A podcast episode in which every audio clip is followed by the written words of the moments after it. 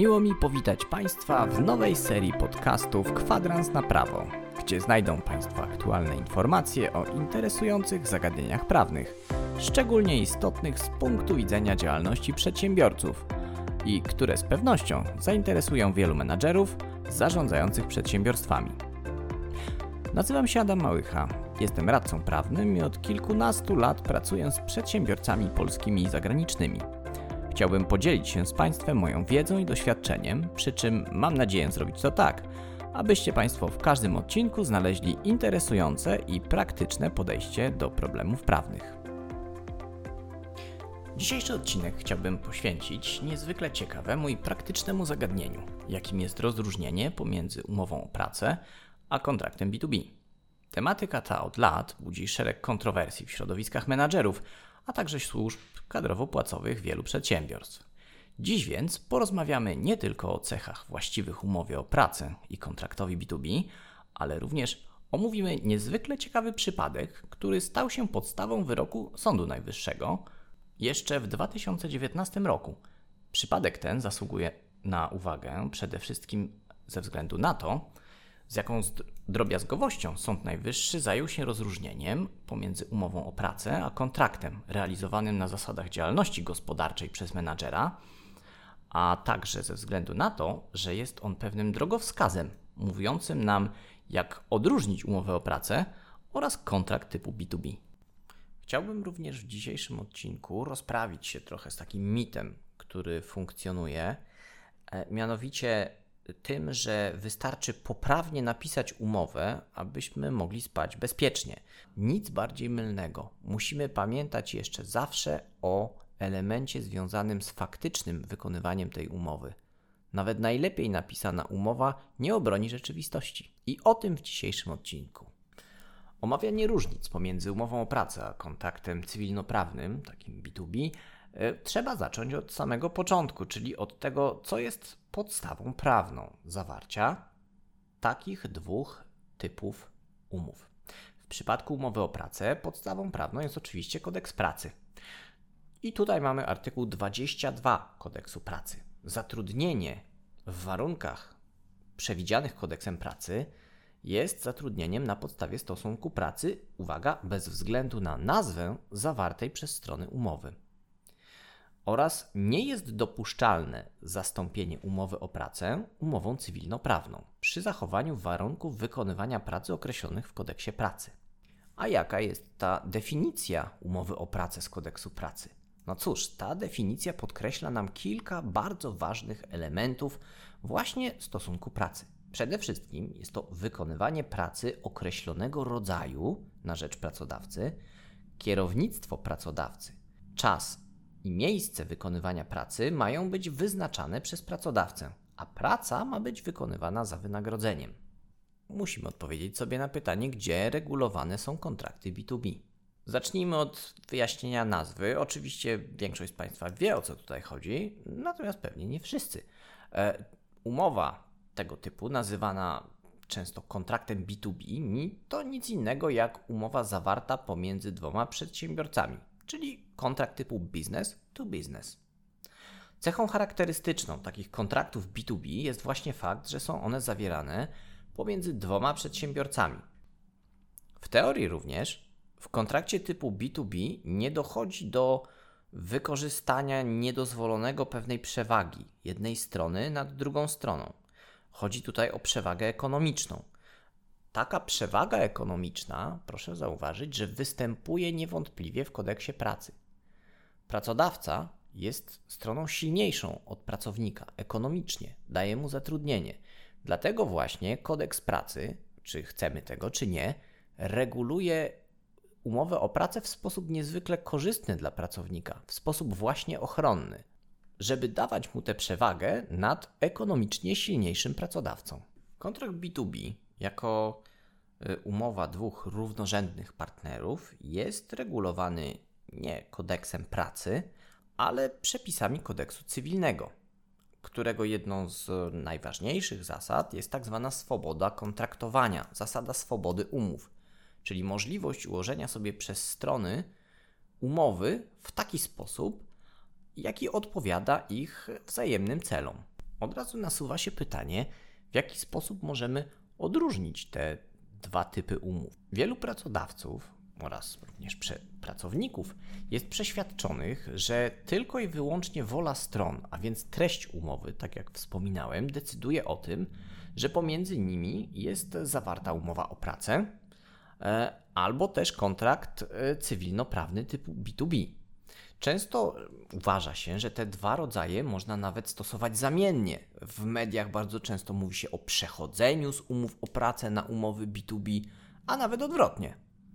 Okazuje się jednak, że to przechodzenie i ta pełna wymienność tych dwóch rodzajów umów niestety nie jest prawdą.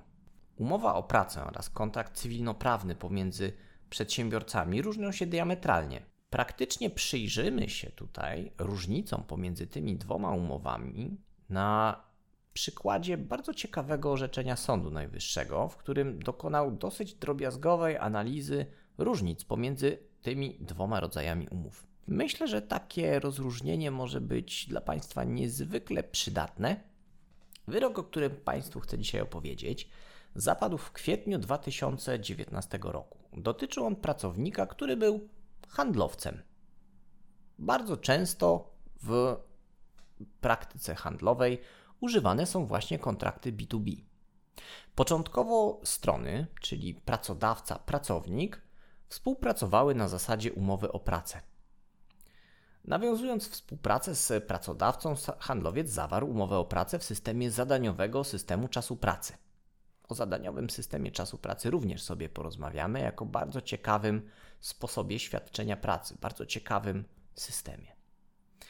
E, ten nasz pracownik e, zawarł umowę na stanowisku menadżera sprzedaży e, do spraw kluczowych klientów. Do jego obowiązków należała aktywna obsługa klientów, pozyskanie nowych klientów, rozbudowa sieci sprzedaży według uzgodnionej strategii sprzedaży oraz strategii marketingowej, przedstawianie ofert sprzedaży, sprzedaż produktów oferowanych przez pracodawcę. Czyli jest to taki dosyć charakterystyczny zakres obowiązków pracownika będącego handlowcem. I tutaj podkreślam, wszystko zaczęło się od umowy o pracę.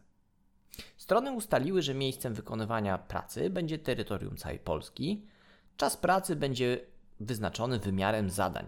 Będzie kształtowany samodzielnie przez pracownika w taki sposób, żeby on uwzględniał podstawowe normy czasu pracy. Czyli e, przeciętnie 8 e, godzin e, dziennie, 40 tygodniowo. Pracownik przepracował okres próbny. Po tym okresie próbnym przychodzi do pracodawcy i mówi mu, oświadcza, że chciałby założyć własną działalność gospodarczą. Co ciekawe, pracownik przysłał pracodawcy nawet wiadomość mailową, którą zatytułował Przejście z umowy o pracę na działalność gospodarczą. W tej treści prosił nawet o przedstawienie warunków kontraktu i ujęcie w nim kwestii użytkowania auta służbowego, kosztów delegacji, noclegu, ryczałtu, okresu urlopowego, kosztów przejazdu. W konsekwencji uzgodnień strony zawarły umowę nazwaną przez nie kontraktem menedżerskim. Zawarły ją na czas określony. W tej umowie menadżer zobowiązywał się do osobistego prowadzenia sprzedaży i innych działań mających na celu utrzymanie, wzrost konkurencyjności, a więc osobiście miał wykonywać czynno te czynności. Firma zobowiązała się wypłacać wynagrodzenia, świadczenia dodatkowe, zapewnić samochód służbowy, środki rzeczowe, finansowe, pomieszczenia, urządzenia niezbędne do wykonywania umowy, telefon komórkowy, laptopa, czyli standard. E, firma zobowiązała się do ponoszenia kosztów związanych z eksploatacją samochodu służbowego, czyli to, o co prosił nam pracownik. Hmm, oczywiście koszty delegacji pokrywała, noclegów, przejazdów autostradami na podstawie przedłożonych rachunków. Strony ustaliły, że wynagrodzenie będzie płatne z dołu e, w terminie 10 dni od przedstawienia przez menadżera stosownego rachunku i przewidziały nawet wypłacanie premii. Za czas niewykonywania obowiązków nie przysługiwało mu wynagrodzenie. Czyli zasada: nie pracujesz, nie otrzymujesz wynagrodzenia. W takim przypadku to podstawowe wynagrodzenie ulegało zmniejszeniu proporcjonalnie do ilości dni niewykonywania obowiązków. A więc tutaj mamy diametralną różnicę w stosunku do kodeksu pracy. Strony uzgodniły, e, że czas pracy menadżera będzie nielimitowany, ale jednak w wymiarze nie mniejszym niż od poniedziałku do piątku w godzinach od 8 do 16. E, strony przewidziały sobie 26 dni odpoczynku w roku kalendarzowym z zachowaniem prawa do wynagrodzenia podstawowego, świadczeń dodatkowych. Przewidziano zakaz konkurencji, e, który był właściwie przyczyną tutaj, e, można powiedzieć, całego sporu, ale o tym za chwilę. Strony przewidziały możliwość wypowiedzenia tej umowy w przypadku nieosiągnięcia przez menadżera założonej efektywności. Oczywiście w umowie znalazło się standardowo odwołanie e, do kodeksu cywilnego, oczywiście nie do kodeksu pracy. I teraz uwaga, jeśli chodzi o wykonywanie całej tej umowy, strony przewidziały, że w każdy czwartek cyklicznie przedstawiciele handlowi będą spotykały, spotykali się z szefem, będzie wyjaśniał im swoje plany, będzie wskazywał im kierunek e, działań. Przedstawiciele handlowi także odbywali indywidualne spotkania z szefem w celu ustalenia strategii współpracy z klientami kluczowymi. Jednak to powód sam decydował o wyborze klienta, z którym będzie prowadził rozmowy. Czasem jednak zdarzało się, że szef prosił go o udział w negocjacjach z konkretnym klientem. Zespół, w którym świadczył usługi nasz handlowiec, nie był jednolity. Byli w nim zarówno handlowcy zatrudnieni na umowę o pracę, jak i nasz handlowiec na kontrakcie B2B. Jednak zasady pracy były stosowane jednolicie wobec wszystkich. Musieli oni w ten sam sposób raportować, nawet co ciekawe, e, miał tutaj handlowiec specjalny system obejmujący handlowców, w którym wskazywało się przeprowadzone rozmowy z klientami. Ten system był podstawą do fakturowania klientów. Każdy przedstawiciel handlowy otrzymał samochód służbowy wyposażony w urządzenie GPS. E, również e, został zaopatrzony w telefon komórkowy, laptopa. W tym przypadku problemem, jaki można powiedzieć legł u samej podstawy tej sprawy, była kwestia kary umownej w zakazie konkurencji. Otóż nasz handlowiec rozwiązał umowę B2B, przeszedł do konkurencji. Jego dotychczasowy pracodawca lub też kontrahent, można powiedzieć, dający mu zlecenie, stwierdził, że skoro naruszył zasady przewidziane w kontrakcie menedżerskim, to będzie od niego dochodził kary umownej. W tym momencie nasz handlowiec powiedział nie. Nie jest możliwe ode mnie dochodzenia kary umownej, dlatego że w rzeczywistości nie byłem zatrudniony na umowie typu B2B, byłem zatrudniony na umowie o pracę. Sprawa trafiła do sądu pierwszej instancji. Otóż sąd pierwszej instancji powiedział, że nie mamy tutaj do czynienia z umową o pracę, ale z kontraktem B2B. Sąd pierwszej instancji stwierdził, że strony miały pełną świadomość tego, jaką umowę zawierają, nawet nadając jej odpowiednią nazwę. Był to, zdaniem sądu, kontrakt cywilnoprawny. Sąd pierwszej instancji wychwycił również, że tak naprawdę to nasz pracownik, nasz handlowiec był tutaj inicjatorem zawarcia umowy, od niego wyszedł mail proszący o to, żeby przejść na kontrakt cywilnoprawny. Nie można było również mówić o wykorzystaniu przez spółkę przewagi ekonomicznej i organizacyjnej. E, pozwana zatrudniała także czterech innych przedstawicieli handlowych na podstawie umowy o pracę. I w toku procesu okazało się, że nikt nie był zmuszany, nikt z tych handlowców do przechodzenia na kontrakt cywilnoprawny. Oni nadal świadczyli swoją pracę na podstawie umów o pracę. E, sąd pierwszej instancji również podkreślił, że powód miał rzeczywistą, realną możliwość wpływu na ostateczny kształt umowy. Sam ją negocjował, sam był jej inicjatorem. W sprawie wniesiono apelację. Sprawę przejął sąd drugiej instancji, i oto w drugiej instancji mamy zupełnie inny wyrok. Otóż sąd drugiej instancji wziął pod uwagę nie tylko wolę stron, ale rzeczywiste wykonywanie umowy. To, o czym wspominałem na samym początku. Sąd pierwszej instancji skupił się na woli stron, inicjatywie, na tym, od kogo wyszła ta inicjatywa zawarcia umowy cywilnoprawnej. I sąd drugiej instancji zwrócił uwagę na to, jak rzeczywiście jest wykonywana umowa. a nie na to, jaką wolę wyrażały strony przy jej zawarciu. Przede wszystkim sąd drugiej instancji, tutaj sąd okręgowy, zwrócił uwagę na fakt, że strony na początku łączyła umowa o pracę.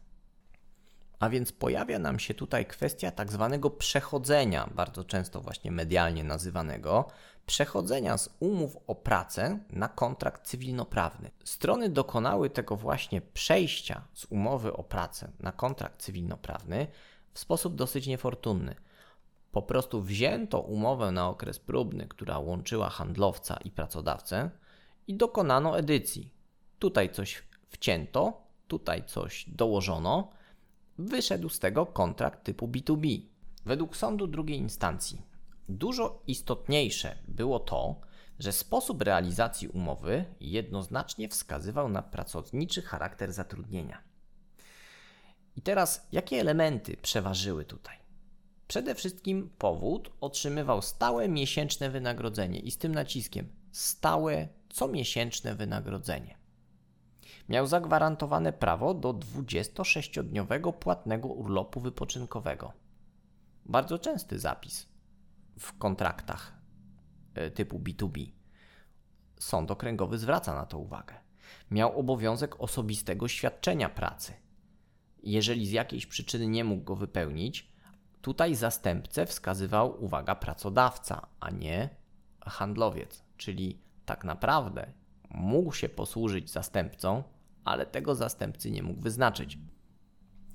Wreszcie powód otrzymał od pracodawcy narzędzia pracy, takie jak samochód, telefon, laptop z oprogramowaniem, które należało do pozwanej spółki, za użytkowanie których nie ponosił żadnych kosztów. Te wszystkie koszty obciążały tak naprawdę jego kontrahenta, a w konsekwencji później pracodawcę. Handlowiec również otrzymywał zwrot kosztów podróży służbowych, również kosztów użytkowania samochodu służbowego, nawet koszty serwisowania. Miał również określony minimalny czas pracy. Było to od poniedziałku do piątku między 8 a 16. I taki określony czas pracy e, czy świadczenia usług, pewnie jakby chciał to nazwać e, zamawiający, jego kontrahent, jest czymś naprawdę bardzo niekorzystnym. I teraz, w konsekwencji tych wszystkich ustaleń, sąd drugiej instancji dochodzi do wniosku zupełnie odmiennego od sądu pierwszej instancji. Mówi, że handlowiec był jednak podporządkowany, podporządkowany organizacyjnie pracodawcy. Miały również y, tutaj co ciekawe, cotygodniowe spotkania działu, na których kontrolowano przebieg dotychczasowej pracy i realizację nałożonych e, planów sprzedażowych. Sąd drugiej instancji zauważył, że nie były to jakby rozmowy dwóch równorzędnych partnerów biznesowych, tylko wyznaczanie pewnych zadań. Co ciekawe, skład tych spotkań był mieszany, a więc Pomiędzy handlowcami zatrudnionymi na umowę o pracę był również powód, który posiadał podpisany kontrakt B2B i brak tego rozróżnienia podczas przydzielania tych zadań yy, świadczy o tym, że yy, mamy tutaj do czynienia z powiedzmy traktowaniem w ten sam sposób umowy o pracę i kontraktu B2B. Powód, co też trzeba yy, wskazać, był zobowiązany jak również pozostali przedstawiciele handlowi do codziennego raportowania w systemie postępów pracy, a do tych raportów miała dostęp osoba zarządzająca w imieniu pozwanej spółki. Mamy tutaj kontrolę organizacyjną pracodawcy, e, który doskonale orientuje się w tym, kto jak pracował. Sąd drugiej instancji podkreślił również kwestię związaną z umieszczeniem w samochodzie naszego handlowca modułu GPS a więc pracodawca nawet miał możliwość skontrolowania dokładnego położenia w tym momencie handlowca, zweryfikowania tego, czy jego oświadczenia wpisywane w system są prawdziwe, czy jego praca wyglądała w ten lub inny sposób. Mamy tutaj znowu do czynienia nie tyle z bieżącym wysyłaniem człowieka i dawaniem mu dyspozycji, jedź tu i zrób to, ale pozwalaniem na pewien poziom autonomii, ale jednak bieżącym kontrolowaniu, raportowaniu, sprawdzaniu. To jest właśnie charakterystyczne dla umowy o pracę. Sąd zwrócił uwagę, że w toku wykonywania tej umowy pomiędzy stronami handlowiec nie ponosił żadnych kosztów związanych z umową ani żadnego ryzyka gospodarczego. Całość tych kosztów i całość ryzyka ponosił jego zleceniodawca. Oczywiście takie rozwiązanie jest niezwykle charakterystyczne właśnie dla umowy o pracę, a nie dla wykonywania działalności gospodarczej na zasadzie mojego własnego ryzyka, ryzyka przedsiębiorcy. W tym miejscu chciałbym zakończyć pierwszą część e, odcinka poświęconą różnicom pomiędzy kontraktem B2B oraz umową o pracę. Mam nadzieję, że ta tematyka przypadła Państwu do gustu i macie Państwo przemyślenia na ten temat. Do usłyszenia.